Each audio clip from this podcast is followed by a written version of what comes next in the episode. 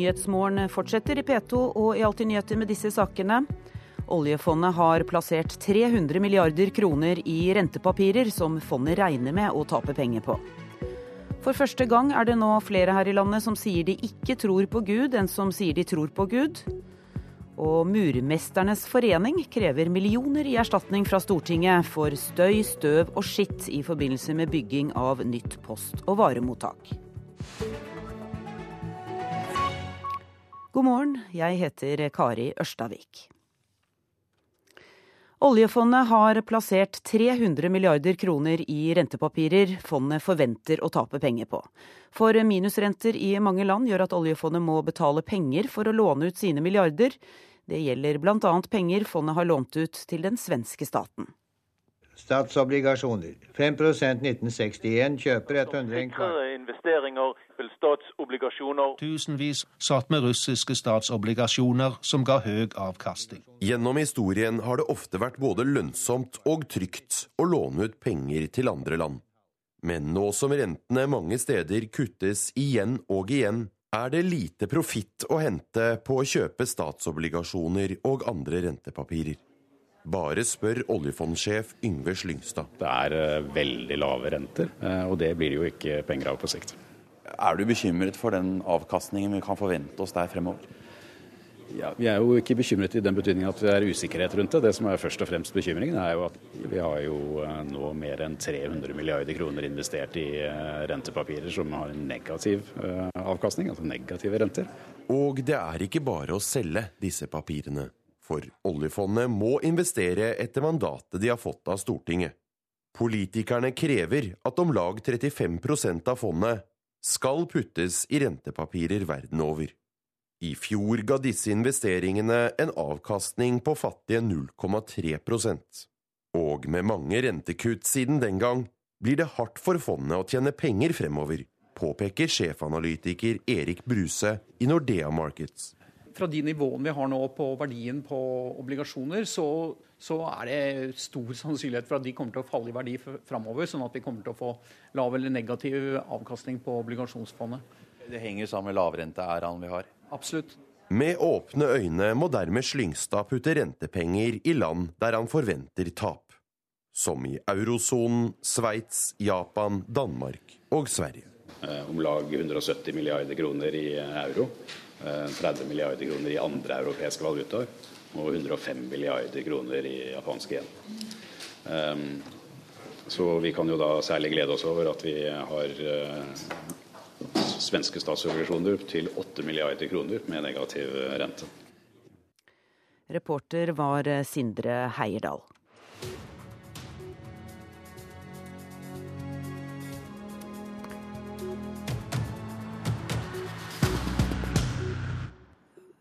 I dag eh, starter påskeferien for mange, og både Røde Kors og Norsk Folkehjelp står klare til å rykke ut eh, til både fjord og fjell, faktisk. Røde Kors hjelpekorps og Norsk Folkehjelp har til sammen over 3000 frivillige i beredskap.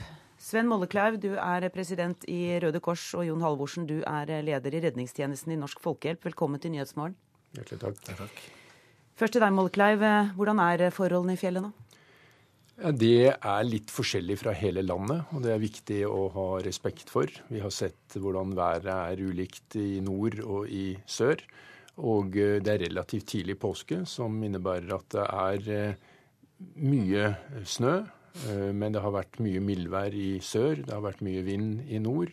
Og værmeldingen kan tyde på kanskje mye snøfall i Midt-Norge. Så nå, som alltid, er det viktig å vise fjellvett ved å være godt forberedt. Kom dere ut, vær aktiv, eh, men bruk vettet og sett dere inn i de lokale forholdene, slik at man eh, er eh, rustet til ikke å bli rammet av skred eller andre utfordringer. Halvorsen, det er tidlig påske. Har det noen innvirkning på skredfaren? Nå ser du På skredfarevurderingene som ligger ute nå, så er det jo store deler av Nord-Norge som går med faregrad 2 og grad 3 så Det er da absolutt noe man skal ta hensyn til. Og som Mollekleiv sier, så kan også rast, eller snøfall i Sør-Norge skape raske endringer der. Så klart for de som skal bevege seg bratt, så er det en faktor. Men for folk flest så er det ikke så mye å tenke på, for de færreste beveger seg i så bratt terreng. Så det er å komme seg ut på tur som vanlig som gjelder. Dere skriver i en eh, pressemelding nå i morgentimen at ingen har omkommet i skred eh, hittil i år. Nei, altså I vintersesongen nå, vi hadde jo det tragiske skredet i Longyearbyen, som er et naturlig utløst skred som treffer bebyggelse. Men det at ingen skiløpere er tatt av snøskred denne vintersesongen her, foreløpig da, forhåpentligvis ingen, hele sesongen, det har jo ikke, vi har ikke tall, vi tall tilbake til 1992, og vi sist hadde det. Så det er et fantastisk spennende Men hva er grunnen til det? Ja, det lurer vi også på, om det er en trend som holder seg. For skreddødeligheten har egentlig økt jevnt år for år. Det er jo ganske små tall, så det kan jo være litt tilfeldigheter. Eller så kan det være skredfaren i områder med mye skiutfart, sånn som spesielt Tromsø, som har høy skreddødelighet, har vært eh, Det har ikke vært så høy skredfare mye utfart. Men det er veldig spennende for oss da, som jobber forebyggende, Røde Kors og Folkehjelpa, å se om dette er en trend som holder seg, og det håper vi jo. Mm. Ja, Mollekleiv, etter en rekke vintre med faktisk flere omkomne i snøskred, så har altså årets vintersesong vært uh, uten dødsulykker. Hva tror du er årsaken? Vi håper jo på at det skyldes uh, fjellvett. Vi håper at uh, mange av de som drar ut, er godt forberedt. At de ikke bare bruker teknologi, men fortsatt bruker sunt folkevett. og ja, Hvordan er det sunne folkevett? Nei, Det handler jo om fortsatt å snakke med lokale folk. Det handler om å gå inn på varsom.no og se på skredvarsler. Det handler om å ikke bevege seg i, i, områder som er brattere enn 30 grader. Det handler om å gå rygg og være trygg når man er ute. Det handler kort og godt om å gjøre det man vet er klokt. Men det vi har sett, er jo en tendens de siste ti år hvor faktisk Røde Kors har hatt tre ganger så mange oppdrag ute. Mange av dem henteoppdrag, fordi flere av de som ikke er godt trent, tar seg ut. Flere av de som søker ekstremområder, har vært utsatt. Og vi er glad for at folk er ute, men vi vil at de skal gjøre hva de kan for å ha sikker ferdsel. Ja, tar folk eh, større sjanser nå, Halvorsen? Noen gjør det. Det er en trend hvor eh, både bruken av fjellet har forandra seg mye. ikke sant? Fra 30 år tilbake når det var påsken. Nå bruker folk fjellet fra oktober til mai på vinteraktiviteter. Mer brattkjøring på ski, mer fjellklatring, kiting, eh, aktiviteter med større skadepotensial. Men folk flest sin bruk av fjellet, altså hytta og familietur og ja, spise pølse og sånn på tur, den er, ligger nok som hovedaktiviteten allikevel. Men det er klart at vi har mer aktivitet med høyere skadepotensial som skjer også til helt andre tider på året enn vi har hatt sett eh, før. da. Mm. Det kom eh, tidligere i år eh, nye fjellvettregler. Har folk satt seg inn i dem, tror du, Molleklein? Ja, det vi ser, er at de i hvert fall har fått med seg at vi snakker om fjellvett mer enn regler at eh, nettopp det å flytte utstyret fra sekken opp i hodet, altså tenke på hva som er klokt å, å gjøre, eh, bruke eksisterende og tilgjengelig teknologi, men ikke gjøre seg avhengig av den. Eh, det er fint med mobiltelefon, men det er fortsatt steder hvor den ikke eh, har dekning. Eh, og det kan være batterier som går ut. Eh, slik at vi ser at det er lov å gå alene hvis du er godt forberedt. Mm. Men det er fortsatt eh, ingen skam å snu når du ser at det er klokt pga. Eh, at været endrer seg, og du ser at du begynner å bli sliten og du skal helt hjem. Det er mye snakk om påskefjell, påskefjellet.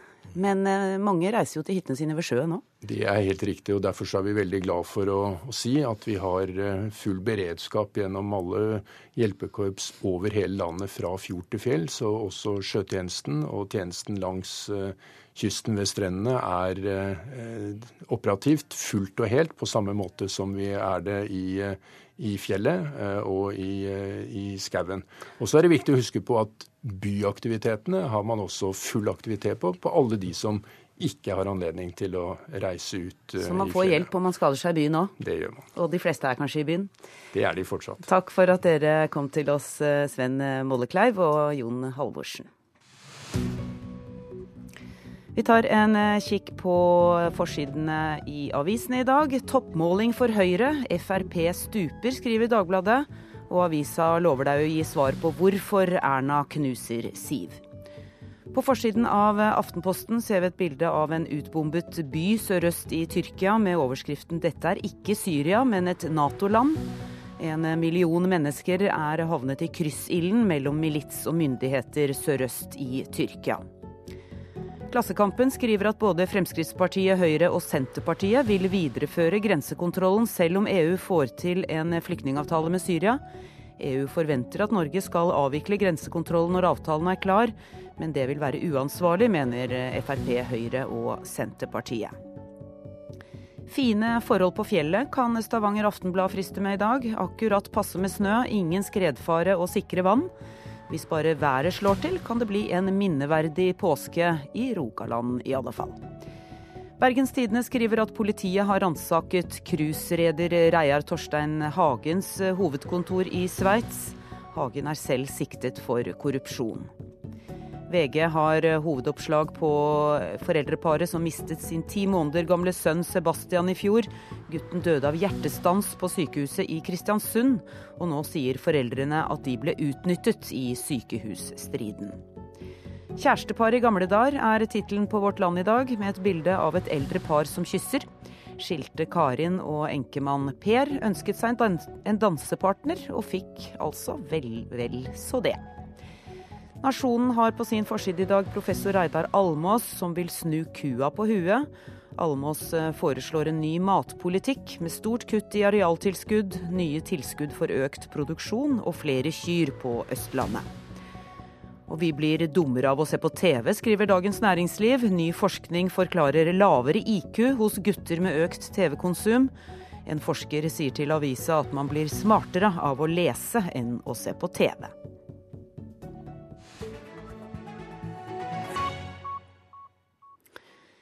Skiskytterjentene fortsetter der de slapp i VM i Kollen, selv om Tiril Eckhoff er hjemme. I går gikk Marte Olsbu inn til en sterk tredjeplass på sprinten i Russland.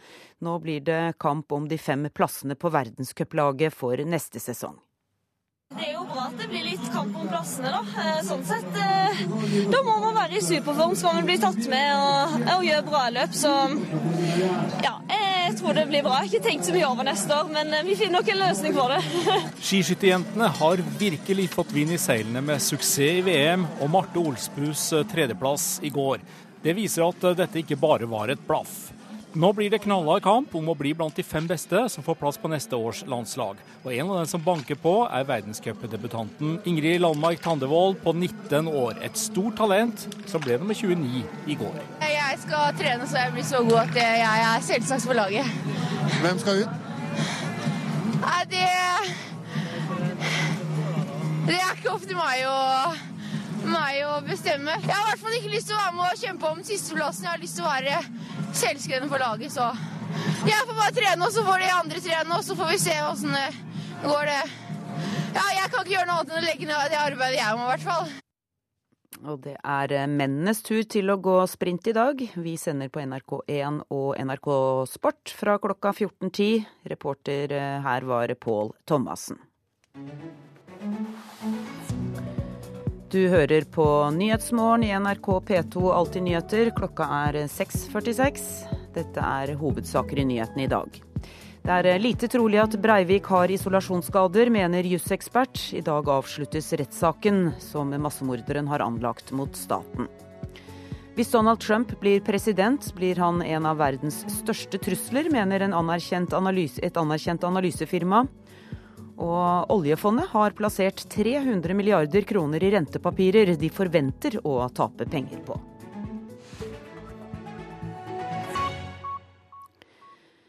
I dag blir de ansatte ved medisinsk avdeling ved UUN Harstad kalt inn til krisemøte om situasjonen ved avdelingen. De ansatte er ikke mange nok til å ta hånd om pasientene, fordi det, eh, over lang, fordi det over lang tid har vært eh, overbelegg, og avdelingsleder Liv Finsjord har kalt inn til møte. Jeg vil si at situasjonen er alvorlig. Jeg tar saken på det største alvor, og eh, så har jeg kalt inn til et allmøte på fredag, hvor jeg har også invitert tillitsvalgte og vernetjenesten samtlige ansatte som har anledning til å komme. Så skal vi de få si sin mening om saken, og jeg skal si hvilke tiltak vi har gjort så langt i år. På dette møtet i dag er alle de 130 ansatte på avdelinga invitert. Der deltar også hovedtillitsvalgte for sykepleierne, Geir Magne Johnsen. Ja, eh, avdelinga er innkalt til et allmøte på, på, fredag, så jeg tenker at vi får møte opp der og høre hva de har å si. Han sier sykepleierne på avdelinga nå er så overbelasta at de ikke engang får tid til å skrive avviksmeldinger. Det er korrekt. Mange ansatte sier at de har ikke tid til å skrive avviksmeldinger i arbeidstida. Det må gjøres På overtid eller på, på fritid. Og nå får man ikke overtid for skriveringsmeldinger, så det blir det kanskje ikke gjort. Det har jeg hørt før, og det kan sikkert stemme. Skal det være sånn? Nei, det skal ikke være sånn. Det er ingen optimal situasjon. Det er ikke noe vi ønsker at ansatte skal ha det sånn på jobb. Sier avdelingsleder Liv Finnjord. Medisinsk avdeling på UNN Harstad behandler pasienter med kols, hjerte-lunge, kreftpasienter, mage-tarm og andre med kroniske lidelser. Pasientene er nå så mange at det er overbelegg. Mange krever også ekstra oppmerksomhet fordi de ligger i livets siste fase. Med så stor arbeidsbelastning og så få i forhold til arbeidsmengden, er det slik at de ikke orker mer. De er inne i en ond sirkel som har vart i lang tid. På situasjonen med overbelegg så er den ganske uholdbar for våre medlemmer. Det har vært høyt arbeidspress over lang tid, og det går utover motivasjon og viljen til å stå i arbeid. Vi har hatt ansatte som har slutta. Vi har ansatte som kanskje ikke tar telefon når de har behov for ekstravakter på sykehuset. Og sykemeldingsprosenten ser ut til å ha gått opp. Og uten at det er tall på det, så ser det også ut til at langtidssykemeldinger har gått opp. Det er nok korrekt. I snitt så har vi 11% fravær per nå. Og Det er klart det blir en ond sirkel av det. Men vi forsøker jo å løse problemene etter beste måte, og leie inn der vi kan ved fravær. Til nå har vi leid inn ekstravakter for over to millioner. Hva er årsaken til denne situasjonen? Det er høyt belegg over lang tid. Fordi at det er for mange som er syke, og 90% av våre pasienter er øyeblikkelig hjelp. Sånn at pasientdrømmen er vanskelig å snu. Men når dette er slik over lang tid, betyr ikke dette at bemanningen, grunnbemanningen er for, for dårlig? Ja, Vi er jo i løpende dialog med klinikksjef om bemanninga og tiltak som vi skal gjøre, og har en god og åpen dialog på det. Men skjer det noe? Ja, det skjer noen ting. Men du kan si det sånn at kanskje man ikke syns det skjer fort nok, men det skjer noen ting. Men det har vart over lang tid? Ja, og det er ikke et enkelt problem å snu. Og det, det, er sånn i store deler av helsesektoren. Ikke noe unikt her i Harstad. Når situasjonen er slik, hvordan kan pasientene da være trygge på at de får den behandlingen de skal? ha? I hovedsak så vil de aller fleste pasientene få den behandlingen de har krav på. Men faren for å gjøre feil vil jo øke i takt med at ansatte blir sliten og, og må jobbe mye ekstra. Vi har i alle fall god tilfredshet hos pasientene som gjør, og vi strekker oss jo lenger. og Det betyr jo at personalet jobber mer ubekvemt og mer overtid for å imøtekomme pasientene og gi den pleien og hjelpa vi trenger. Hvor lenge kan dette fortsette? Nei, Det skal ikke fortsette sånn som det her lenge. Uh, tallene er så høye og beleggsprosenten så stor at vi er nødt til å gjøre noen tiltak. Vi er nødt til å gjøre noen strakstiltak for å se på det. I samarbeid med andre klinikker, andre enheter i UNN, eller få tak i noe mer folk. Ja, Det sa avdelingsleder ved UNN Harstad, Liv Finnjord. Reporter var Nils Meren. For første gang er det nå flere her i landet som sier de ikke tror på Gud, enn som sier de tror på Gud. I tillegg kommer en stor gruppe tvilere. Det viser en ny undersøkelse. Rundt 4000 personer har svart på en undersøkelse de har mottatt i posten, Norsk Monitors kartlegging av verdigrunnlag og holdninger. På spørsmålet 'Tror du på Gud?' svarte 39% nei. 37% ja, og 23% vet ikke. Det skriver Vårt Land. Da spørsmålet ble stilt for første gang i 1985, svarte hele 50% at de trodde på Gud, mens bare 20% sa at de ikke trodde. Forskningssjef Jan Paul Brekke i Ipsos, som har gjennomført undersøkelsen, sier til avisen at det kan være en gud innenfor hvilken som helst religion. Det er likevel få muslimer i materialet. De fleste innvandrerne som har svart, kommer ifølge Brekke fra vestlige religiøse tradisjoner. Reporter eh, var Tonje Grimstad. Stortinget bygger et nytt post- og varemottak under bakken i Oslo sentrum, og arbeidet medfører så mye støy, støv og skitt at elleve bedrifter i en bygård som Murmesternes forening eier, taper millioner av kroner. Om bedriften ikke får erstatning for tapt fortjeneste, utelukker ikke gårdeieren å gå til søksmål mot Stortinget. En av de berørte er ramme- og kunstbutikken Mesterrammer, som har måttet stenge. Øvre Vollgate 1 det er, er, det helt ned mot Rådhusgata. Jeg skal møte Georg Ullmann, eier av butikken og kunstgalleriet Mesterrammer. Men det er vanskelig å finne frem. Gravemaskinene står rett utenfor vinduet, og kunstverkene har han flyttet lenger inn i butikken. Det er Stortinget som bygger nytt post- og varemottak under bakken. Gravingen har pågått i flere måneder. Nå har han stengt butikken. Kundene finner ikke frem, og støv, støy og skitt gjør det vanskelig å drive butikk. Hadde vi hatt bare den butikken, så hadde vi vært konk for lenge siden. Tapet blir et sted mellom en halv og en million kroner. Vi har liksom brukt mange år på å prøve å bygge opp en butikk, og så ser du at det blir revet ned på den måten her, så er det jo er til å grine. Rett og slett. Han er ikke den eneste som taper penger, sier Knut Asper, direktør i Murmesternes forening, som eier bygget Mesterrammer holder til i. Av elleve leietakere vurderer flere nå å si opp kontrakten fordi de mister kunder. Nå vil han sende erstatningskrav til Stortinget. Eh, fra dag én så har fremkommelighet, eh, dårlig skilting, støy og smuss vært et stort problem for alle. Eh, så vi føler at dette er Davids kamp mot Goliat hver eneste dag. Han vet ikke hvor mange millioner erstatningskravet kommer på, for Stortingets byggearbeider skal pågå til 2018. Vi snakker her om ganske mange millioner. Kan det være snakk om å ta det her til, til retten? Det kan vi ikke utelukke, nei. I en e-post Stortinget har sendt til de berørte, står det at Stortinget ikke vil kompensere næringsdrivende for tapte inntekter eller kunder pga. byggearbeidet. Grunnen er at de mener arbeidet er en del av byutviklingen, og at det ikke er praksis å utbetale noen form for erstatning som følge av denne typen arbeider. Du kan jo ikke unngå at noen berøres av denne type bygging midt i Oslo sentrum. Det sier leder for eiendoms-, sikkerhets- og serviceavdelingen på Stortinget, Terje Olsen. Vi beklager jo den, den støybelastning og øvrig belastning dette er for gårdmiljøene rundt dette byggeprosjektet. Han presiserer at hvis de berørte har blitt skadelidende utover det man med rimelighet må kunne forvente i slike byggesaker, vil de vurdere eventuelle krav fra sak til sak. Olsen sier at Stortinget har hatt møter med de berørte og besluttet at boring skal skje etter normal arbeidstid. Det er også inngått avtaler om jevnlig vask av fasader, vinduer og lokaler som blir berørt. Murmesternes eh, forening utelukker eh, heller ikke å gå til rettslige skritt. Det har jeg, jeg kan ikke gå inn i den saken nå, men vi ønsker som sagt å, å være i dialog og prøve å finne de beste mulige tiltak som kan fungere godt for gårdeier og leietagere. Det er vårt mål hele tiden under en krevende byggeperiode. Reporter var eh, Eirin Venås Sivertsen. I Kvæfjord i Troms har et samarbeid mellom barnehagebarn og eldre på et sykehjem skapt stor glede. Husby barnehage og Kvæfjordheimen har eh, hver mandag sang og lekestund sammen.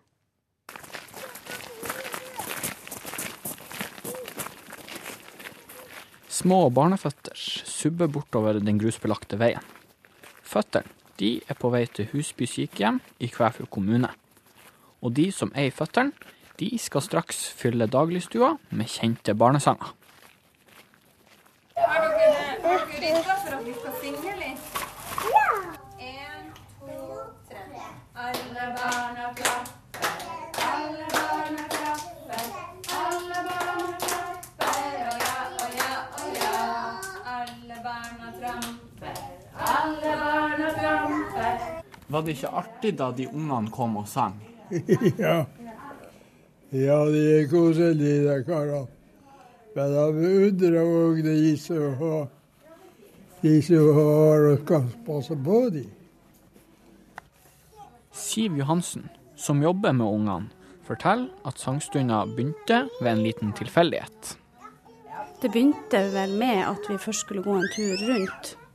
Eh, ned, forbi Kvæfraheimen og over. Og så eh, kom det et personal og tok opp rullegardinene og vi tok ungene opp til vinduene. Og da så vi at de eldre klappa i hendene og ønska oss inn, så vi ble jo invitert inn. Så det begynte med det, og så snakka vi med de, og de spurte om vi kunne komme flere ganger. Og så la vi opp til at hver tur på mandager tok vi ned dit. Så begynte vi med annenhver mandag, men så ønska personalet der nede hver mandag. Fordi at de så at de eldre trodde god nytte av det. da. Sånn at hver mandag så har vi gått ned dit siden en god stund før jul. Ja. Øynes mener at ungene trives godt med å synge sanger for de eldre på Kvæfjordheimen. Ja, vi merker jo at de sjøl tar initiativ til å ville synge når vi går ned dit. Og at de sjøl syns at det er morsomt.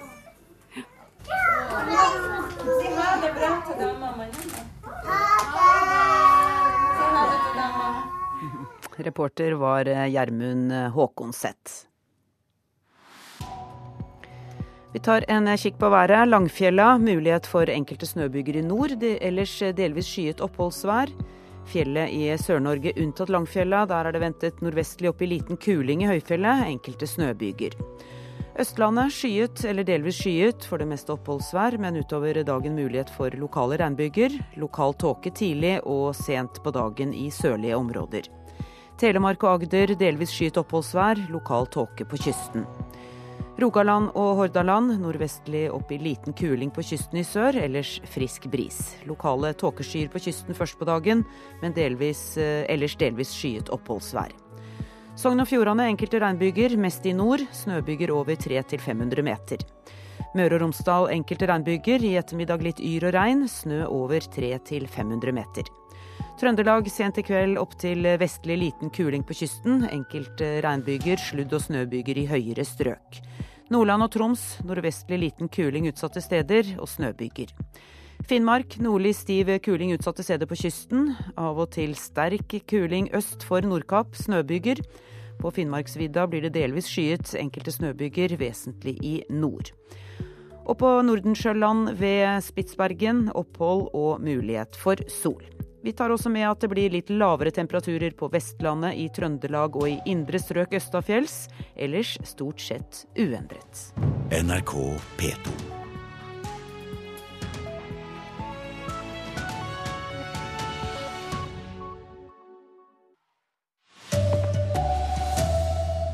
Snart kommer du ingen vei med kontanter på ekspressbussen til nettbuss. Nigeriansk krigsherre fikk kjøpe marinefartøy av det norske forsvaret. Nå har myndighetene i Nigeria beslaglagt båtene, i frykt for angrep. Her er NRK Dagsnytt klokka sju med Anders Borgen Werring. Nettbuss planlegger å slutte å ta imot kontanter på ekspressbussrutene i løpet av året. Da blir det bare mulig å betale med bankkort, mobiltelefon eller ha kjøpt billettene på forhånd. Mynter og sedler er plunder og heft, mener administrerende direktør Ståle Nistov i Nettbuss Travel. Det å stå der med kontantene og vekslepenger og dette der, er, er en utfordring. Det er kjappere og enklere etter hvert med de nye betalingsmidlene som kommer. Eh, pluss at etter hvert så er det faktisk veldig vanskelig å få tak i kontanter. Bankene er mindre og mindre tilgjengelige. Og det koster faktisk ganske mye penger å skaffe kontanter og håndtere kontanter. Regjeringen vil la kommunene holde tilbake pengestøtte til innvandrere som ikke består norskprøven, som er en del av introduksjonsprogrammet. Innvandrings- og integreringsminister Sylvi Listhaug sier hun tror tiltaket vil gjøre innvandrerne ekstra motivert for å lære seg norsk, og at det vil fungere som en gulrot for å få gode resultater. Forslaget er sendt ut på høring. Nigerianske myndigheter har beslaglagt de sju marinefartøyene som en krigsherre i landet fikk kjøpe fra det norske forsvaret i 2012 og 2013. Årsaken er at myndighetene frykter at krigsherren skal bruke båtene mot landets regjering. Den tidligere krigsherren Government Ekpemupolo, bedre kjent som Tompolo, er ettersøkt for korrupsjon og jaktes nå av politi og militære i Nigerdeltaet. Dagbladet har tidligere avslørt at Tompolo for noen år tilbake fikk kjøpe sju marinefartøy av det norske forsvaret. Ifølge avisen har myndighetene i Nigeria nå tatt beslag i båtene, som i ettertid er blitt utstyrt med våpen, fordi de frykter de kan utgjøre en trussel.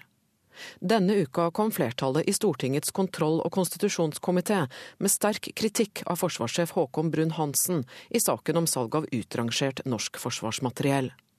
Flertallet mente forsvarssjefen ikke har tatt saken alvorlig nok, og at han ikke har fulgt opp forsvarsministerens og Stortingets signaler.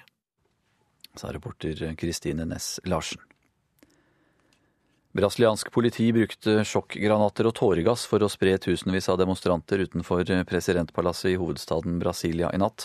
Også i Sao Paulo og Rio de Janeiro gikk tusenvis av mennesker i tog i protest mot president Dilma Rousef og hennes arbeiderparti. Opposisjonen mener Rousefs nylige utnevnelse av tidligere president Lula da Silva til regjeringen er for å beskytte både ham og henne selv mot straffeforfølgelse i en alvorlig korrupsjonssak. Det var NRK Dagsnytt. Nyhetsmorgen fortsetter i P2 og Alltid nyheter med disse sakene. 22.07-terroristen har liten troverdighet og derfor en vanskelig sak, mener jusekspert. Innad i NHO er det uenighet i spørsmålet om retten til å kunne bruke kontanter på ekspressbussen. NHO Service og NHO Transport møtes her i studio. Og EU-landene er enige om nytt migrasjonssamarbeid, men nå gjenstår det vanskelige, nemlig å få Tyrkia med på laget.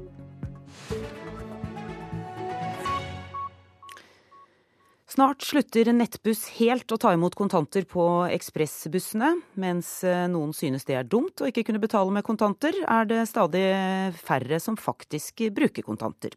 Om bord på bussen mellom Oslo og Tjøme i Vestfold kommer du nå ingen vei med kontanter. Der var den, vet du. Tønsberg, ja. Takk skal du ha. Det var revetallet. Takk skal du ha.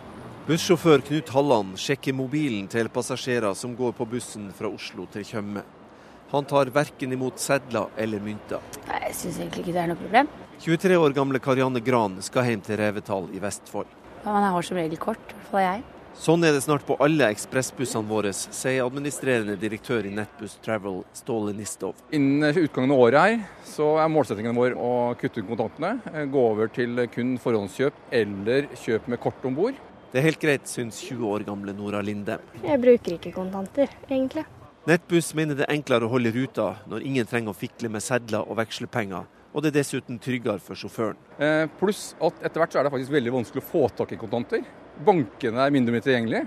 Og det koster faktisk ganske mye penger å skaffe kontanter og håndtere kontanter. 54 år gamle Håkon Seberg syns for sin egen del det er greit å betale med mobilen, men det er tungvint når ungene skal av gårde. Jeg har to barn. Hvis jeg skal sende dem- på bussen, eh, de er, og de er store nok til å ta bussen alene, men jeg kan ikke sende med dem kontanter til å betale med. Da må jeg enten følge dem på bussen, som går et stykke nedenfor huset mitt, eller så kjører vi dem ofte til toget. Men du kan jo kjøpe billett på forhånd? Ja, kan kjøpe billett på Men, men da må man være ute litt i tid i forhånd, for det er jo en, en sånn tidsbegrensning. Så, så hvis man, man kan ikke være så, så spontan og impulsiv, da. Karianne Gran skjønner at det kan være vrient for noen å ikke kunne betale kontant. Da blir det kanskje litt vanskelig, hvis du ikke har bankkort. For da, da må du eventuelt ha dekning på mobil og sånne ting, da. Men har du ikke det heller, så vet jeg ikke hva man gjør. Sjåfør Knut Halland syns det er tryggere å ikke ha noe penger i bussen. Det sitter jo i bakhodet, i hvert fall spesielt når du kjører kveld og sånt, at eh, det kan eh, være utrygt. da. Og Spesielt når vi da hadde veldig mye kontanter, så var det jo å fordele litt kontanter litt sånn rundt omkring på forskjellige steder her. da. Også Norway Bussekspress vurderer å kutte ut kontanter på bussen. Internt i NHO er de uenige. NHO Service, som organiserer selskapene som håndterer kontanter, mener det fortsatt bør være mulig å betale med sedler og mynter. NHO Transport, som organiserer busselskapene, hevder håndtering av kontanter koster selskapene 100 millioner kroner i året, som i stedet kan brukes på et bedre rutetilbud. Kontantene trengs ikke lenger, mener Ståle Nistov i Nettbuss. De fleste har eh, kort i dag, og vi tror det er eh, veien å gå fremover. Ja, Hvis du er et eldre menneske som syns det er vanskelig med alt med nett og mobil, og du har kanskje ikke kort, men du vil betale kontant, og du står på et busstopp midt ute i eh, ødemarka. Ja, så da vil vi jo ikke kunne akseptere det når vi kommer så langt. Da må vi eh, ordne på et annet vis. Har dere noen løsning for det? Ja, Vi har mange løsninger allerede i dag, med forhåndskjøp både på faktura og eh, flere ulike kanaler. Så vi mener jo at tilgjengeligheten vår er så god at de få som nå eh, det er problem, det er veldig, veldig få. Men eh, da får vi løse det på en god måte når det oppstår. Reporter var Kjartan Røslett. Ja, Innad i NHO er det uenighet i spørsmålet om retten til å kunne bruke kontanter på ekspressbussen. Administrerende direktør Petter Furulund i NHO Service, velkommen til Nyhetsmorgen. Du er eh, en av dem som misliker planene til Nettbuss om kontantfrie ekspressbusser. Hvorfor det? Nei, det, det er jo fordi at eh, kontanter er det eneste lovpålagte eh, betalingsmiddel som vi har i Norge, som eh, alle er pliktet til å ta imot. Og det er veldig rart da at et selskap skal begynne å gå utover loven på dette området.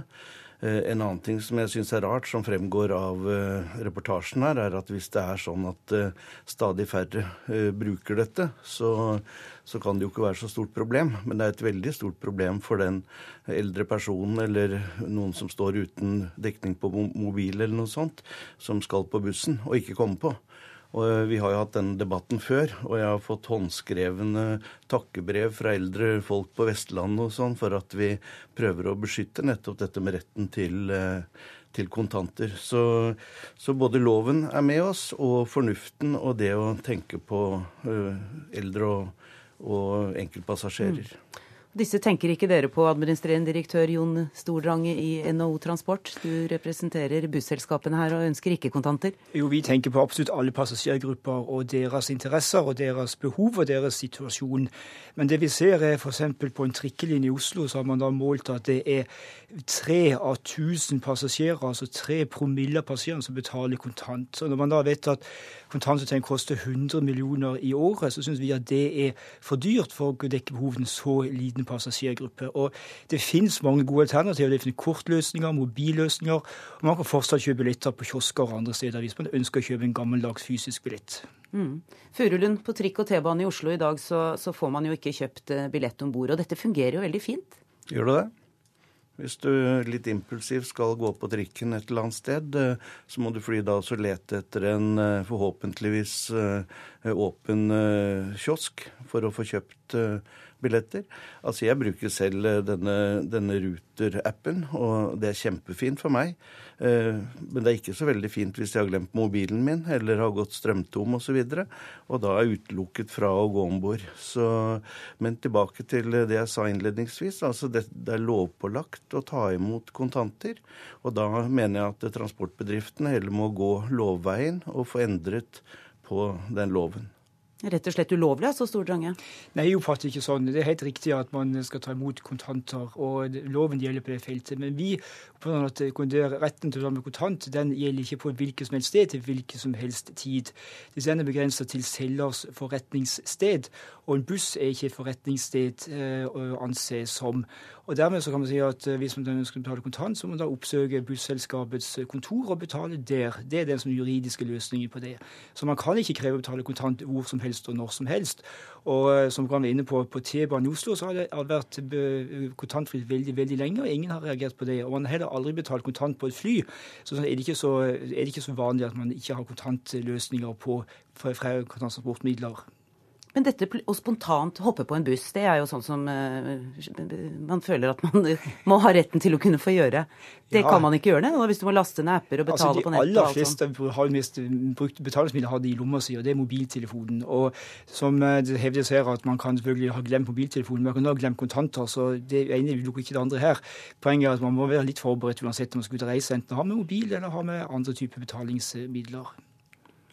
Men Samferdselsdepartementet har, så vidt jeg vet, eh, sagt at eh, en buss f.eks. er et sånt sted som det er forpliktet til å ta imot.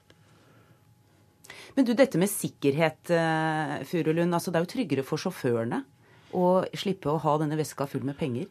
Ja, Vi har vel ikke veldig mange ran i året i forhold til bussavganger, så det syns jeg er et konstruert problem. Og jo færre som bruker dette, men som er nødt til å bruke det, jo mindre problem er det. Så, så det er ikke noe argument. Eh, det som ligger bak her, er vel egentlig et ønske fra transportselskapene om å spare penger. Fordi at, eh, som de sier, det er tuklete for de. Men eh, jeg syns det er litt sånn rart når man sier at det er nå vanskelig å få tak i kontanter. Det er det jo ikke. Det er i hvert fall ikke noe vanskeligere å få tak i kontanter enn å få tak i å få kjøpt noe uh, billett. Og Eh, sånn som jeg var i Trondheim nå, tok jeg flybussen inn til Trondheim, hadde kjøpt tur-retur-billett, eh, hoppet på mm, flybussen når jeg skulle tilbake til flyplassen. Så viste det seg at det var et annet selskap, det hadde ikke jeg fått med meg at det var to som het Flybussen. Og da hadde jeg blitt kastet av hvis ikke jeg kunne betalt der og da. Så nei, jeg eh, syns, man må tenke litt på at man er til Man har et samfunnsoppdrag, man har fått en konsesjon. Man er til for alle mennesker, og må også ta hensyn til eldre og de som ikke er så moderne. Ja, Stordrange, kan ikke dette Altså det er jo færre og færre som bruker kontanter. Kan ikke dette bare få dø, dø ut av seg selv? Må det vil det nok helt sikkert gjøre. Men vi syns vi opprettholder en ordning som er forholdsvis kostbar for veldig veldig få passasjerer som vi frakter per dag. Og som sagt, det koster 100 millioner i året, og vi ønsker å bruke de pengene på et bedre kollektivtilbud, flere avganger, bedre tilbud enn vi har per dag, istedenfor å bruke det på, på kontanthåndtering. Og eh, jeg syns man tar litt for lett på argumentet om sikkerhet. For eh, vi har et eget utvalg som eh, sammen med arbeidsorganisasjonen har vurdert sikkerhet i buss. Og at det største først man kan gjøre for bedre sikkerhet på buss, både for sjåføren og passasjerene, det er å fjerne kontantene. Da må jeg sette strek. Takk for at dere kom til oss, Petter Furulund og Jon Stordrange. Anders Behring Breivik har en vanskelig sak fordi han har liten troverdighet. Det sier professor i rettsvitenskap ved Universitetet i Oslo, Ulf Stridebekk. I dag skal partene holde avslutningsprosedyrer i den fire dager lange sivile rettssaken mellom Breivik og staten. Breivik har en eh, vanskelig sak. Sier professor i rettsvitenskap ved Universitetet i Oslo, Ulf Stridbekk. Han har skrevet flere bøker om løgn og troverdighet i vitnepsykologi. For det er han som har bevisbyrden. En bratt oppoverbakke sier Stridbekk om at det er Breivik som må bevise isolasjonsskader. Han har en tung sak. Han er, eh, har en eh, bratt oppoverbakke. Han har en mørderbakke å gå oppover. Og Da betyr det at det blir også vanskelig å påvise brudd på artikkel 3 og artikkel 8? Det blir veldig vanskelig. Onsdag forklarte psykiater Randi Rosenquist seg. Hun har gjort alle risikovurderingene av Breivik og sa i retten at han ikke har isolasjonsskader. Jeg mener at han ikke lider av isolasjonsskader. Sa Rosenquist til NRK etter vitnemålet. I går var det fengselsledere og fengselsleger som vitnet. Samtlige mente at massemorderen ikke har isolasjonsskader. På rettens siste dag skal partene holde sine avslutningsprosedyrer. Det blir ord mot ord, og det er Breiviks troverdighet som taper, mener Stridbekk. Troverdigheten eh, fra mitt ståsted er jo at uh, den er lav. Vi vet at han har lyvet tidligere, og vi vet at han har sin uh, agenda. Og han svarer jo ikke rett fram på spørsmål. han kommer med sine forberedte notater. Så han forholder seg mer til sitt eget indre prosjekt enn å svare troverdig åpent i forhold til rettens spørsmål. Marius Embeland, advokat ved Regjeringsadvokaten, mener Breivik har et pragmatisk forhold til sannheten. Vi har vel også sett i dag at noe av det han sier kan nok helt fint stemme. Andre ting ser ikke ut til å være i samsvar med objektive forhold, slik vi ser det. Advokat Øystein Storvik mener derimot det er ingen tvil. Saken er i veldig stor grad basert på journalførte uomstridte faktum. Troverdigheten blir jo viktig fordi han har jo ikke noen andre bevistilbud. Sakkyndig Rosenquist eh, mente jo at eh, han ikke hadde isolasjonsskader. Han påstår det, hun sier nei. Og hvis det ikke kommer inn flere bevis som kan dokumentere disse skadene, som han påstår seg å ha, så må man vel tro på uh, fagkompetansen. Mm, og det er Rosenquist? Det foreløpig Rosenquist, ja. Det sa Ulf Stridbekk. Reportere var Ellen Omland og Pål Wergeland.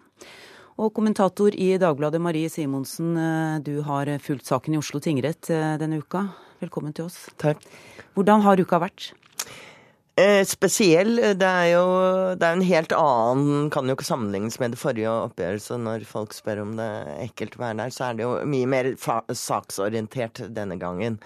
Eh, men eh, onsdagens forhandlinger med da først Breivik i tre timer, og så Rosenkvist, var jo, var jo en spesiell opplevelse, for å si det forsiktig. Hvordan vil du beskrive Anders Behring Breivik nå eh, sammenlignet med forrige runde? De som fulgte saken tett den gangen, sier jo at han overhodet ikke har forandret seg. At det er det samme ekstremistiske, narsissistiske mannen som sitter der. Og, og, det virker sånn også på meg. Han har jo, jo tilpasset seg, forandret litt mening. Han kaller seg jo nå eh, nasjonalsosialist. Men ellers er det jo det samme budskapet og det samme innholdet. Du skriver i Dagbladet at terroristen eh, kledde seg naken, eller ble kledd naken i retten. Ble kledd naken, ja. Og det var jo denne Randi Rosenquists eh, vitnemål. Hun var jo der egentlig for eh, vitne til fordel for Breivik, men det ble jo raskt klart at det, dette var ikke til fordel for ham. Uh, og hun uh, sa på ganske direkte måte, så sa hun vel, jeg parafraserer nå, at, at, at, han var en litt selvopptatt sutrekopp. Hun så ingen tegn til isolasjonsskader. Når han klaget over hodepine, så ba hun ham ta et glass vann og en hodepille. Eh, og det er vel det vi har fått fremstillingen av soningsforholdene, er jo slik at man, man undrer seg egentlig over at, eh, at, han har det veldig bra. Og mange som har vitnet, som det også ble sagt her i forrige innslag, har jo nettopp påpekte at han er i god form og i godt humør og, og slike ting. Og Rosenquist trakk jo dermed frem at det er mange som sitter på isolasjon og eh, langtidsforvaring, som har det atskillig verre enn han.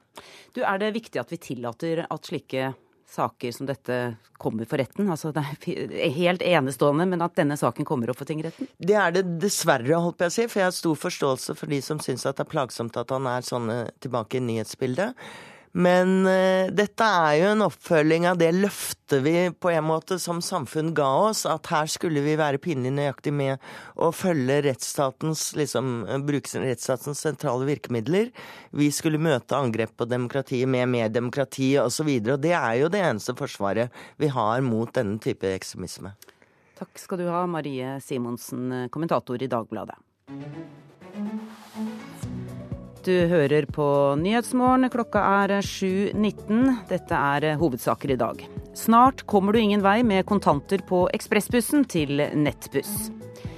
Nigeriansk krigsherre fikk kjøpe marinefartøy av det norske forsvaret. Nå har myndighetene i Nigeria beslaglagt båtene i frykt for angrep. Og brasiliansk politi brukte sjokkgranater og tåregass for å spre tusenvis av demonstranter utenfor presidentpalasset i hovedstaden Brasilia i natt. EU-landene er enige om nytt migrasjonssamarbeid, men nå gjenstår det vanskelige, nemlig å få Tyrkia med på laget. I dag skal Tyrkias statsminister møte EU-presidenten. Først da starter de reelle forhandlingene.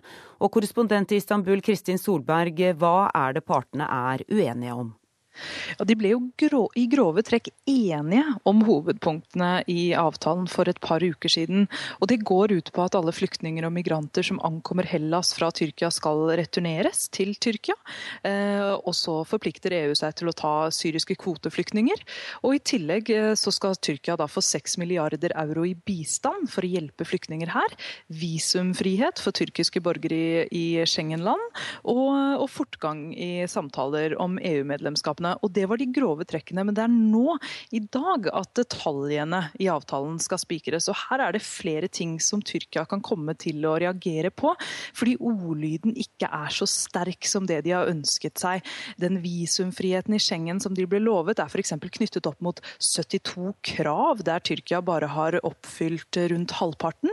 Og så er det ikke løfter om raskere samtaler om EU-medlemskap, men heller at dialogen såkalt skal starte igjen så snart som mulig mulig. Og, og, til sist så blir ikke de seks milliardene euro utbetalt med en gang, slik Ankara ønsker. Men det vil komme litt etter hvert, og vil avhenge av om EU mener de har ønsket effekt. Så det kan nok bli harde forhandlinger utover dagen i Brussel i dag. Mm. Hvor viktig er det for EU å få på plass en avtale? Det er svært viktig for EU. Eh, for menneskene som ankommer eh, de greske øyene, viser ingen tegn på å avta i antall. Det er kommet eh, over 130 000 bare i år. Og det er en krise som i stor grad kunne ha vært forutsett, i og med at Syriakrigen har vart i, fem år. Og så har EU ikke klart å takle dette på en god måned måte. Isteden så truer den eh, politiske karrierer, den truer regjeringen, eh, den truer Schengen-samarbeidet og, og, også kanskje selve EU-samarbeidet. Så for EU så er, det, er dette veldig viktig. Men eh, også for Tyrkia så, så er det, er det eh, viktig å få på plass en avtale. Fordi eh, Schengen-visumfrihet og EU-medlemskapssamtaler det er solide poeng for regjeringen her å, å score. Um, og I tillegg så ønsker de da internasjonal hjelp til å betale regningen for alle flyktningene som er her i dag. Mm. Ifølge forslag til avtalen så skal alle flyktninger og migranter som ankommer Hellas, altså returneres til Tyrkia. EU forplikter seg til å ta en syrisk, en syrisk kvoteflyktning for hver eh, syriske flyktning som returneres, men sier ingenting om mennesker fra land som Afghanistan og Irak f.eks. Er Tyrkia et uh, trygt tredjeland å returnere flyktninger til? Ja, Det er jo det store spørsmålet som eh, de også har diskutert i, eh, i Brussel. Og, og, for EU-land som ønsker denne avtalen, så vil de argumentere at det er det. De vil presse på for at eh, Tyrkia skal gjøre endringer som gjør det lettere for folk å, å søke om asyl og, og flyktningstatus her. Men fra menneskerettighetsorganisasjoner så er tonen en, ganske annen. F.eks. Amnesty International, Human Rights Watch og flere andre har gått kraftig ut og sagt at Tyrkia ikke kan regne regnes som et, et trygt tredjeland. Og det er flere grunner til det. Det ene er juridisk. Tyrkia er det eneste landet i verden som har en geografisk begrensning på flyktningkonvensjonen fra 1951, som sier at bare europeere kan få full flyktningstatus her. Slik at syrere, afghanere og irakere ikke kan, kan, få det. Og Det er heller ikke et fungerende asylsystem her.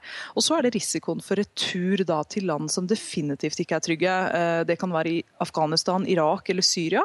Det skjer at, at mennesker eh, blir eh, sendt tilbake dit. Og Tyrkiske myndigheter har også lenge snakket om å opprette en såkalt trygg sone i Nord-Syria, der flyktninger kan være, og det uroer mange her. Ja. Takk skal du ha, Kristin Solberg. Vi får vente og se hvordan dette går. Vi tar en kikk på avisforsidene. Toppmåling for Høyre, Fremskrittspartiet stuper, skriver Dagbladet, og avisa lover deg å gi svar på hvorfor Erna knuser Siv. På forsiden av Aftenposten ser vi et bilde av en utbombet by sørøst i Tyrkia med overskriften 'Dette er ikke Syria, men et Nato-land'. Én million mennesker er havnet i kryssilden mellom milits og myndigheter sørøst i Tyrkia. Fine forhold på fjellet kan Stavanger Aftenblad friste med. Akkurat passe med snø, ingen skredfare og sikre vann. Så hvis bare været slår til, kan det bli en minneverdig påske i Rogaland, i alle fall. Bergens Tidende skriver at eh, politiet har ransaket cruisereder Reiar Torstein Hagens hovedkontor i Sveits. Hagen er selv siktet for korrupsjon. Kjærestepar i gamle dager er tittelen på Vårt Land i dag, med et bilde av et eldre par som kysser. Det er skilte Karin og enkemann Per som ønsket seg en dansepartner, og fikk eh, vel så det. Nasjonen har på sin forside i dag professor Reidar Almås, som vil snu kua på huet. Almås foreslår en ny matpolitikk med stort kutt i arealtilskudd, nye tilskudd for økt produksjon og flere kyr på Østlandet. Og vi blir dummere av å se på TV, skriver Dagens Næringsliv. Ny forskning forklarer lavere IQ hos gutter med økt TV-konsum.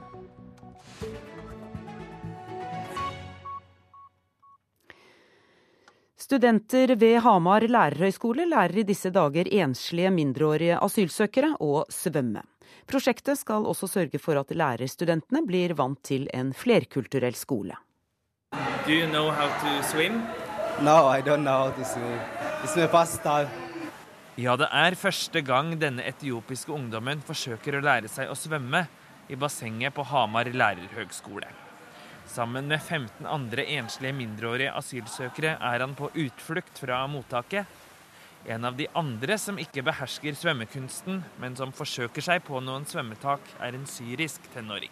Ja, jeg ønsker å lære å svømme. Er det vanskelig?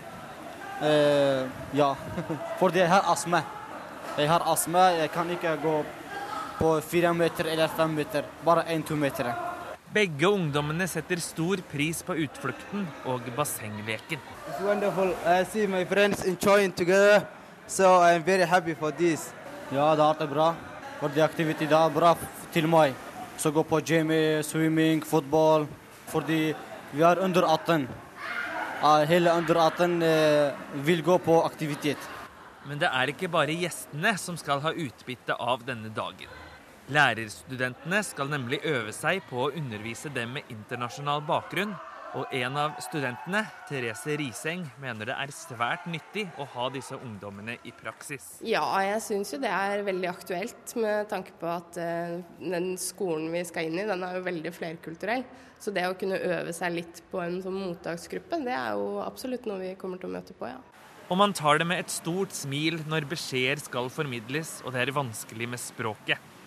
Som når student Vegard Solbakken Mellum i forkant av svømmingen skal forklare ungdommene om norske garderoberegler. Før dere går i bassenget, before you swim, you have to take a shower. You have to take a dusj. Han sier at språkutfordringen er en del av sjarmen. Det er jo sjølsagt enkelte utfordringer eh, med språket, men formidle formidler på best mulig måte. Blande litt engelsk og litt norsk og litt eh, hedmarking, så får han formidla det meste. En av dem som til daglig hjelper asylsøkerne med språkutfordringen, lærer Umed Sali, mener at dette samværet og den fysiske treningen er viktig på flere måter. Det har fått brukt kroppen sin.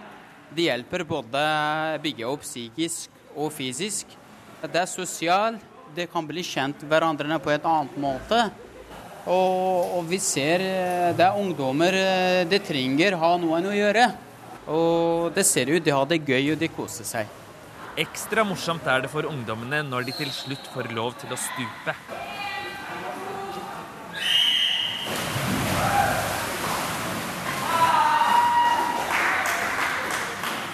Og selv om den etiopiske ungdommen NRK snakket med, har observert den siste delen av økta fra bassengkanten, er han svært tilfreds. Og en dag skal han klare å svømme selv. Yeah, inshallah, I'm having. I'm having. I'm having to be swim. Reporter var Knut Øyvind Hagen. Produsent for Nyhetsmorgen er Vidar Heidammer. Jeg heter Kari Ørstavik.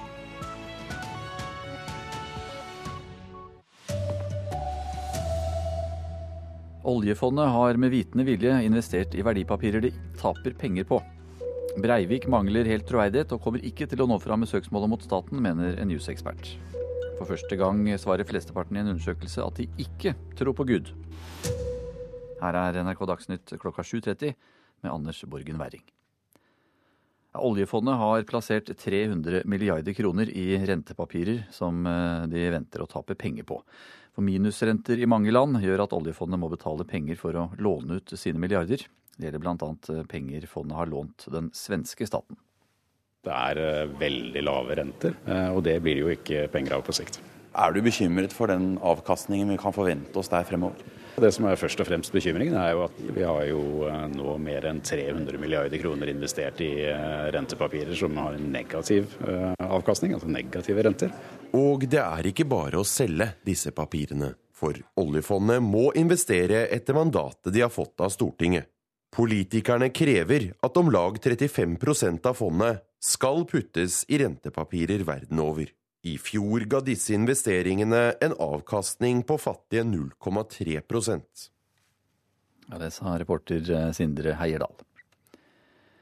Anders Behring Breivik har en vanskelig sak fordi han har liten troverdighet. Det sier professor i rettsvitenskap ved Universitetet i Oslo, Ulf Stridbekk. I dag skal partene holde avslutningsprosedyrer i den fire dager lange sivile rettssaken mellom Breivik og staten.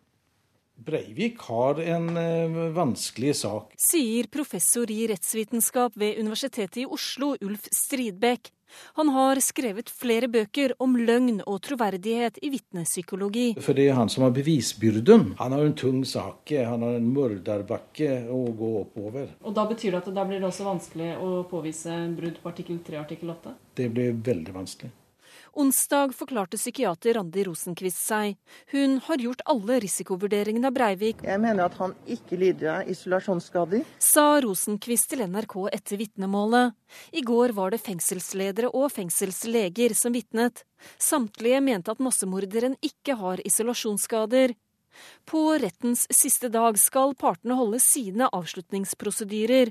Det blir ord mot ord, og det er Breiviks troverdighet som taper, mener Stridbekk. Troverdigheten eh, fra mitt ståsted er jo at uh, den er lav. Vi vet jo at han har lyvet tidligere, og vi vet at han har sin eh, agenda. Marius Embeland, advokat ved Regjeringsadvokaten, mener Breivik har et pragmatisk forhold til sannheten. Vi har vel også sett i dag at noe av det han sier kan nok helt fint stemme. Andre ting ser ikke ut til å være i samsvar med objektive forhold, slik vi ser det. Advokat Øystein Storvik mener derimot det er ingen tvil. Saken er i veldig stor grad basert på journalførte uomstridte faktum. Reportere Ellen Omland og Pål Wergeland. Runar Henriksen Jørstad, du er i Skien, har fulgt rettssaken denne uka. Hvor viktig er det for utfallet av saken om Breivik har isolasjonsskader eller ikke? Det har vært svært mye fokus på isolasjonsskader. Ingen av de fem vitnene som har vært her i Skien, sier de har sett noen tegn til isolasjonsskader.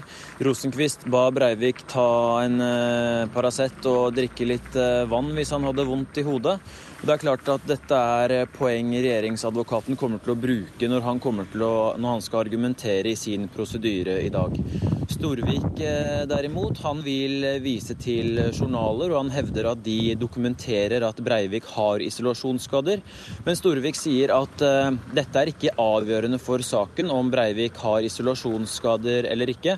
Dette er et søksmål om soningsforholdene, om de er uh, umenneskelige og nedverdigende og eventuelt bryter med menneskerettighetene.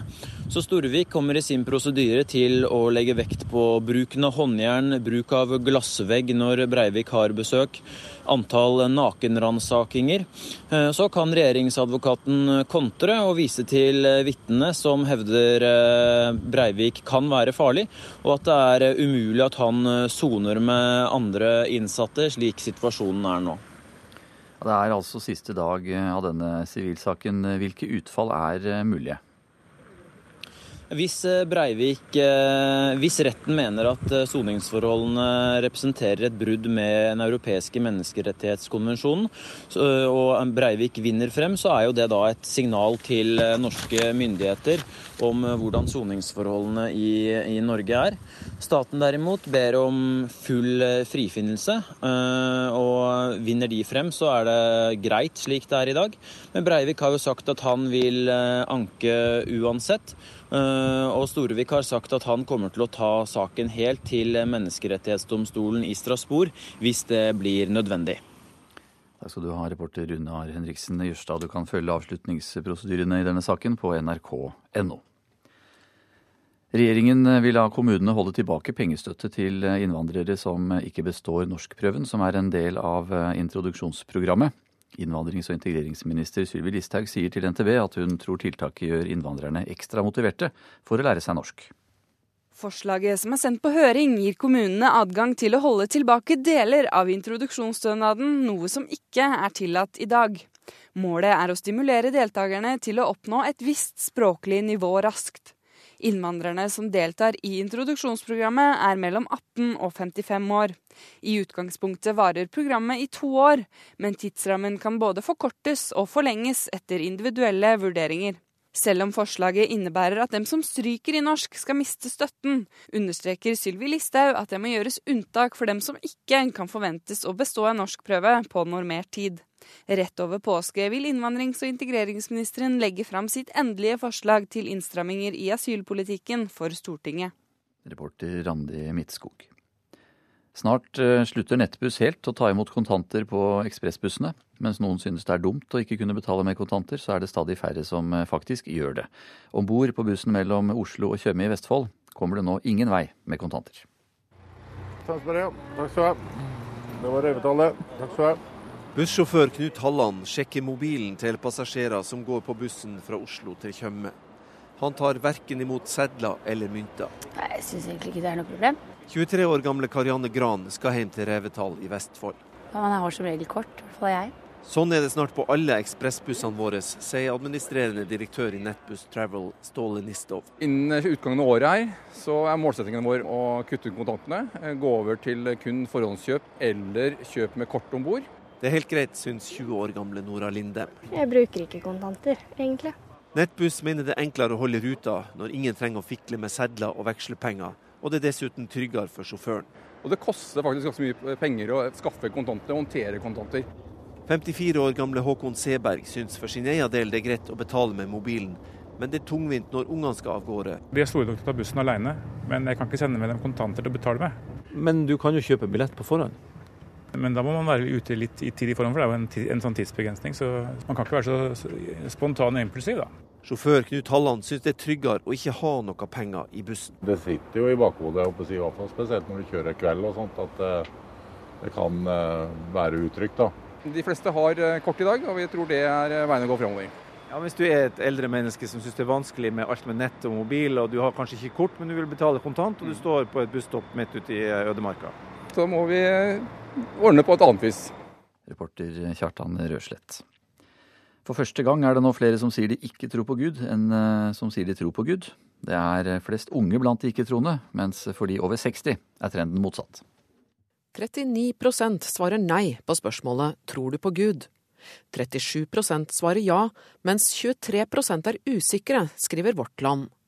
4000 har svart på Norsk Monitors undersøkelse, som viser at det er de unge i aldersgruppen 15 til 24 år som har den største andelen ikke-troende. Trenden er motsatt for de over 60. Der svarer 48% at de tror. Forskningssjef på Ipsos, Jan Paul Brekke, sier dette er funn som det er grunn til å undersøke nærmere. Det, det får oss til å tenke på om det er sånn at folk som tror, eller de, de generasjonene som har trodd mest, eh, at de nå ikke er med i undersøkelsen lenger fordi de er blitt for gamle eller, eller ikke er med lenger. sånn at eh, men det kan også hende at folk at man mister gudstrålen eh, underveis. og Det er eh, ting vi må undersøke nærmere. og Se om det er det at folk faller fra, eller at, eller at folk i løpet av, av livsløpet nå i mindre grad tror på Gud. Det er flest kvinner som svarer at de tror på Gud, 41% mot 32% menn. Da spørsmålet ble stilt første gang i 1985, svarte over halvparten av de spurte at de trodde på Gud, mens bare litt over 20% svarte nei. Og det sa reporter Kristine Næss Larsen. I dag så er det Arild Svalbjørg som har ansvaret for NRK Dagsnytt.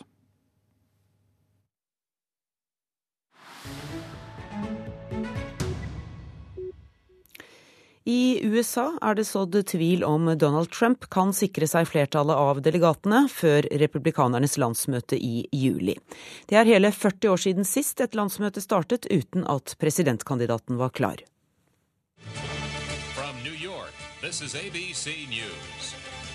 Good evening. Just a half a weekend away from the opening of the GOP National Convention, backers of both President Ford and Ronald Reagan are claiming their candidates have enough delegates to win on the first ballot. August 1976. Det er opprør i det republikanske partiet.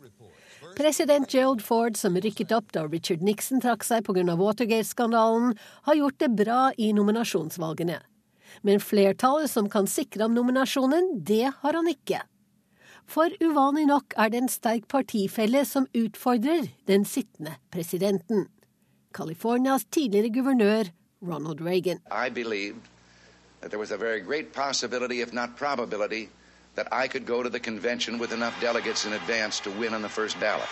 Jeg tror at jeg nå har nok delegater til at det ikke bare er mulig, men også sannsynlig at jeg kan vinne allerede i den første avstemningen, sier Reagan. Det er duket for kampvotering i Kansas City og det blir et skikkelig rabaldermøte. Nyhetsanker Walter Cronkite ser med forundring på det som ligner en slåsskamp nede på plassen til New York-delegasjonen. Han setter over til sin kollega, som rapporterer at journalister blir nektet adgang til delegatområdet.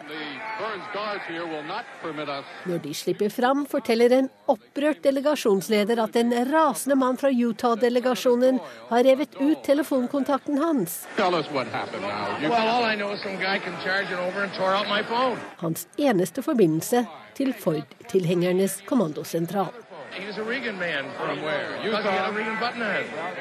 Madam Chairman, the Commonwealth of Pennsylvania cast 10 votes for Governor Reagan and 93 votes for Gerald Ford. President Ford vant sitt partis nominasjon, og var så lettet at han kalte Ronald Reagan opp på scenen for å tale til landsmøtet. I believe the Republican Party has a platform that is a banner of bold, unmistakable colors with no pale pastel shades. Det sies at talen gjorde et så sterkt inntrykk at flere av delegatene som stemte på Ford, satt igjen med en vond følelse av at de hadde nominert feil mann. Men det var ingenting mot demokratenes landsmøte i Chicago i 1952.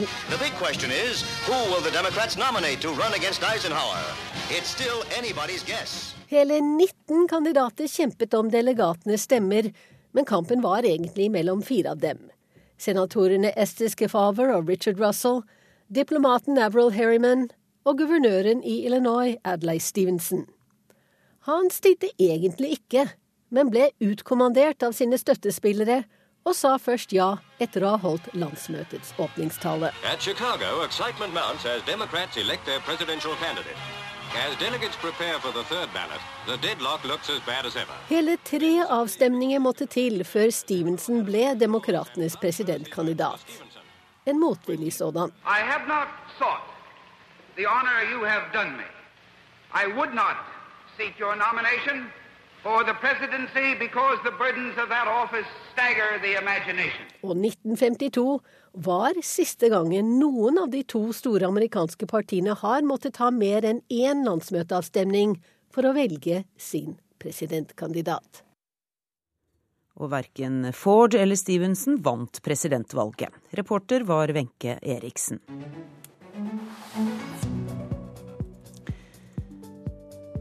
Nyhetsmorgen fortsetter her på P2 og i NRK Alltid nyheter. Vi har disse hovedsakene nå. Oljefondet har investert i verdipapirer fondet vet at det ville tape penger på. 22.07-terroristen manglet helt troverdighet og kommer ikke til å nå fram med søksmålet mot staten, mener en jusekspert. Og for første gang her i landet svarer flesteparten i en undersøkelse at de ikke tror på Gud.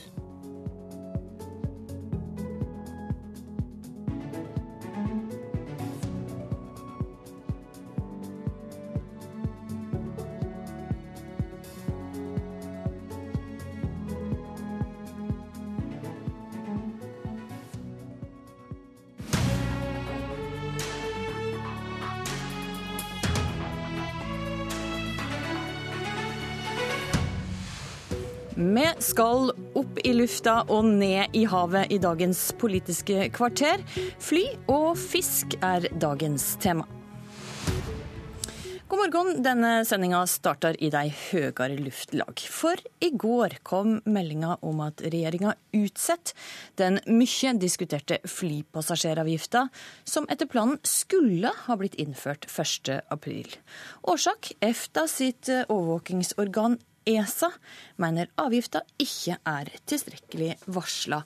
Og nestleder i Arbeiderpartiet, Trond Giske, hva tror du blir konsekvensen av at en må utsette denne avgifta? Ja, for det første så må vi jo se da om ESA godkjenner den. I så fall så har jo Høyre og Frp, KrF og Venstre sagt at denne flyplassavgifta skal gjennomføres.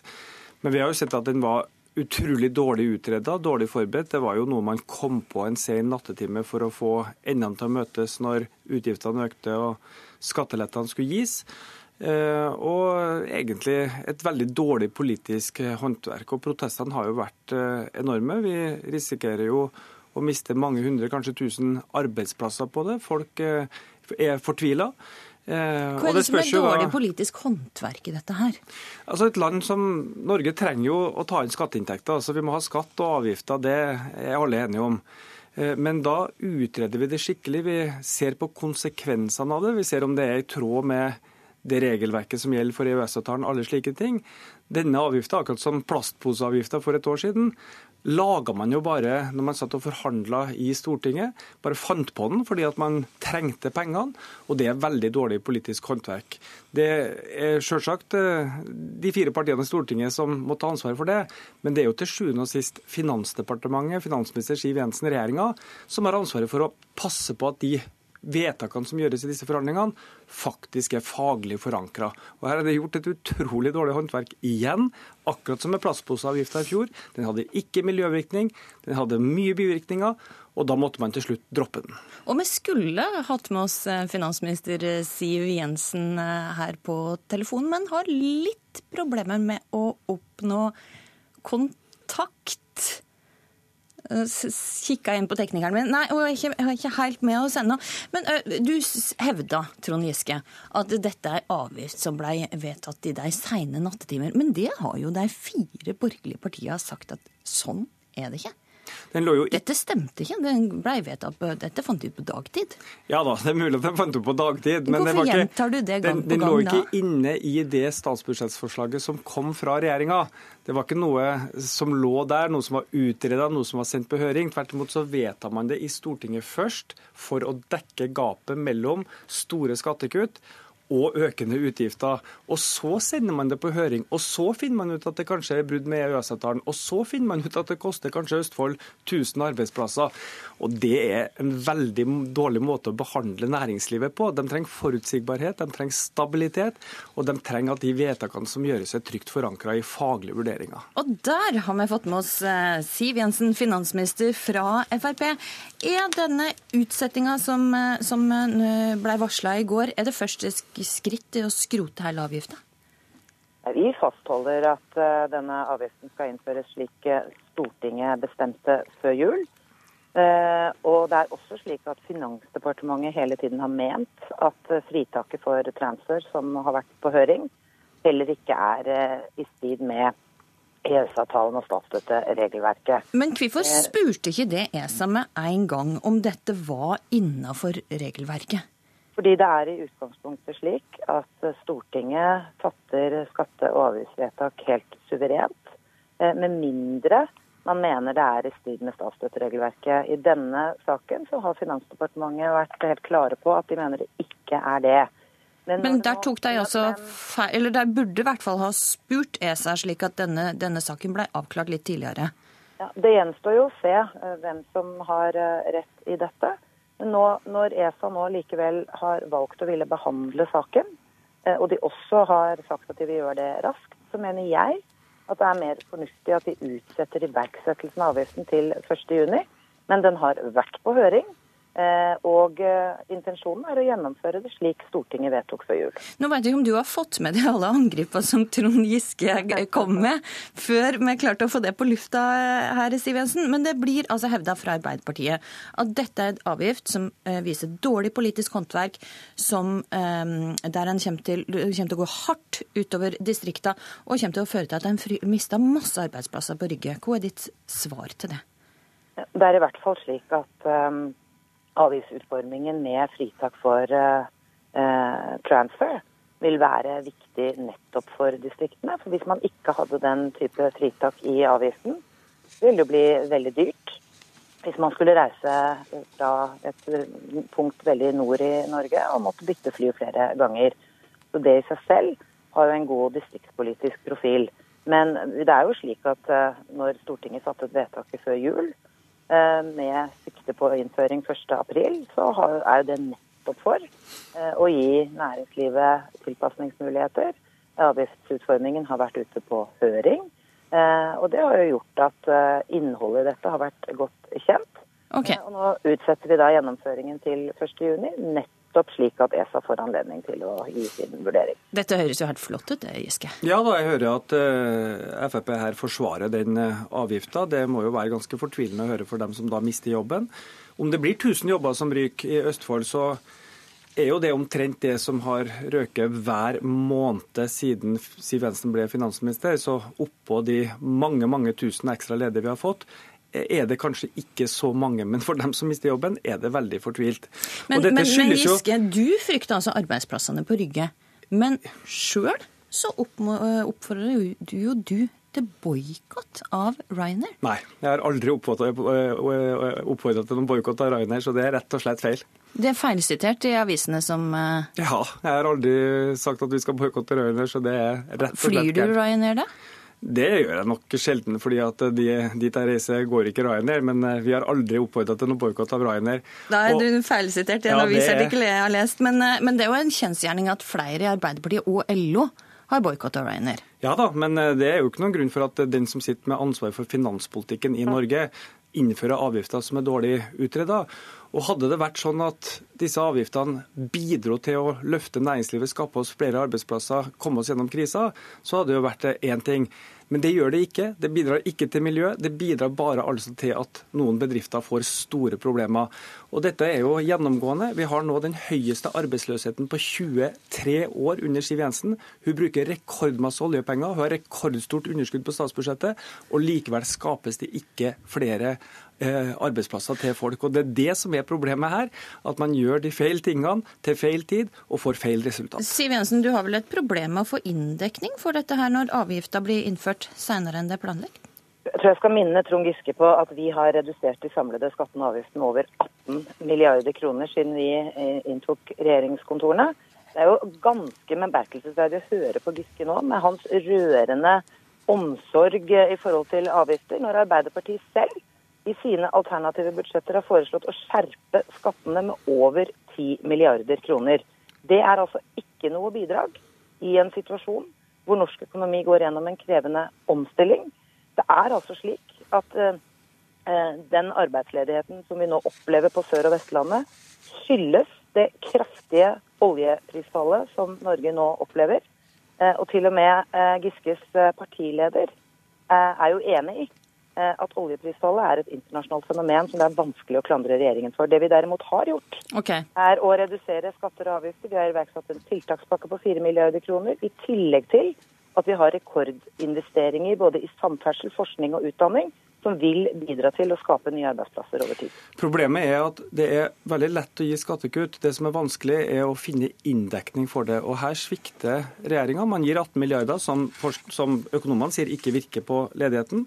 Og så klarer man ikke å kutte man prøvde. Eh, Siv Jensen foreslo jo eh, kutt i sykelønna for de lavtlønte. Man foreslo kutt i bilstøtta til de funksjonshemmede. Man foreslo kutt i kulturtilbudet for de eldre. Hvilke økonomer er det du mener, Giske? Altså, VG, VG, Hvilke økonomer er det som har sagt at kutt i selskapsskatten ikke er bra for norsk næringsliv? Altså VG intervjua 25 av de ledende økonomene i Norge, hvor man så først og fremst på formuesskatten, som er et av de største. Eh, og de sa at dette har ingen effekt for sysselsettinga. Og halvparten av skattekuttene til Siv Jensen går til de 5% rikeste. Jeg lurer, på, jeg lurer på Siv Jensen, hva du ville sagt det hvis vi satt i regjering, hadde rekordhøy ledighet, antall byråkrater økte, man ikke fikk kontroll på underskuddet på statsbudsjettet, man ikke klarte å inndekke de utgiftene man kom, kom med, og fant på avgifter gang etter gang som poseavgift og som eh, flyplassavgift. Jeg tror den Siv Jensen som satt i opposisjon, hadde vært ganske kritisk til den Siv Jensen som sitter i Finansdepartementet okay. når dette skjer. Ja. og ledigheten er rekordhøy. Vi styrer økonomien godt og trygt i en urolig tid. Eh, og det er altså slik at noe av det viktigste vi kan gjøre for å hjelpe norsk næringsliv gjennom denne krevende tiden, er å sørge for at vi har konkurransedyktige eh, skatteregler. En av de tingene vi derfor gjør, og har foreslått for Stortinget gjennom skattereformen, er å redusere selskapsskatten ned til 22% Uvisst enn så lenge hva Arbeiderpartiet mener om det. Det eneste vi vet når det gjelder Arbeiderpartiet og skatt, det er deres alternative budsjetter, hvor de har foreslått å skjerpe skattene med over 10 milliarder kroner. Og jeg har ikke hørt én bedriftsleder si at det vil være kjærkomment i den vanskelige tiden de nå står i. Der fikk du siste ord. Takk Siv Jensen. Takk Trond Giske. Vi skal ta den litt ned fra de høyere luftlag nå i Politisk kvarter og snakke om fisk. Og det Arbeiderpartiet kaller et gedigent mageplask for vår ferske fiskeriminister. For regjeringa ville lage en helt ny og mer liberal fiskeripolitikk, men i Stortinget blei det bråstopp. Og fiskeriminister Per Sandberg, du er nå med oss på telefon fra Senja. Og eh, du ønska bl.a. å lempe på leveringsplikta, slik at trålere ikke lenger måtte levere til ett bestemt lokalsamfunn, men kunne velge sjøl innenfor fylket. Men dette gikk jo ikke helt etter planen. Er du skuffa? Nei. Eh, vi foreslo å regulere leveringsplikten. Uh, nå har Stortinget, Jeg syns faktisk Stortinget og næringskomiteen har gjort masse kloke valg. Eh, for det som er viktigst av alt her nå, det er at man har en, et samla politisk miljø som lager rammevilkår for fiskerinæringa som holder i lang tid, altså som er forutsigbar. Eh, og da har altså næringskomiteen samla eh, ønska seg en utvidelse av den kommisjonen som regjeringa foreslo. Eh, det at man ser på alle disse pliktene, altså bearbeidingsplikten, leveringsplikten og aktivitetsplikten samla. Ja, så du er nøyd med at du ikke fikk gjennom den liberaliseringa som du i utgangspunktet ønska? Ja, nå har ikke komiteen verken sagt ja eller nei, da. Det komiteen har sagt, det er at jeg skal sette ned en hurtigarbeidende kommisjon som skal se på alle disse pliktene samla sett. Og så skal jeg da legge fram eh, da, en ny innstilling for Stortinget sent eh, høsten 2016. Eh, Ingrid Heggø, fiskeripolitisk talsperson i Arbeiderpartiet. Du kaller altså regjeringa sitt forsøk for et mageplask. Men du hører jo Per Sandberg er fornøyd? Ja, Det er jo et gedigent mageplask, og det var jo første prøvesteinen for eh, Per Sandberg, dette da. Eh, og jeg skjønner godt at ikke vil snakke om konsekvensene hvis hans egen politikk og regjeringens politikk hadde blitt gjennomført. For det hadde gått utover arbeidsplassene langs hele kysten. Eh, det hadde vært en rasering av lokalsamfunnene. Og det hadde òg vært å samle kvotene på noen få hender, som da hadde blitt styrtrike. Mia Per Sandberg, du har møtt motspør for regjeringa sitt forslag, også blant eh, de tre nordligste fylkeslagene i ditt eget parti. Er det grunnen til at du ikke tar det, eh, det manglende gjennomslaget så tungt? Først få lov til å si til Arbeiderpartiet og Heggø, da, hvis man allerede har konkludert nå med at en regionalisering av leveringsplikten ville være en katastrofe, så er det merkelig at Arbeiderpartiet da ikke slår fast det nå Eh, men utsette det da til høsten for å se, se på alle pliktene samla sett. Men eh, jeg tror jo ikke noe på disse eh, denne meldinga fra Arbeiderpartiet om at dette vil bli en katastrofe. For det som er viktig nå, er at man skaper lønnsomhet. Og jeg tror ikke noe på at vi politikerne kan regulere oss fram til lønnsomhet. Det er en helt andre ting. Fiskeri, fiskeriindustrien står overfor enorme utfordringer det er kundene og markedet som bestemmer hvilke produkter eh, som er attraktive i markedet. Og Da tror jeg vi skal overlate til fiskeren og eh, fiskeindustrien sjøl å avgjøre hva som vil være lønnsomt framover. Men nå har, har, vi fått litt bedre tid på oss. Vi har, eh, skal sette ned en, en bred kommisjon, og jeg skal prøve å sette sammen en kommisjon med innspill fra alle politiske partier en kommisjon som har tillit i det politiske miljø, okay. og som kommer da med en innstilling til høsten. Den kommer til høsten. Vi får vente i spenning på det, og flere fiskeripolitiske debatter. Det var ukas siste Politiske kvarter. I studio i dag var Astrid Randen. Hør flere podkaster på nrk.no podkast.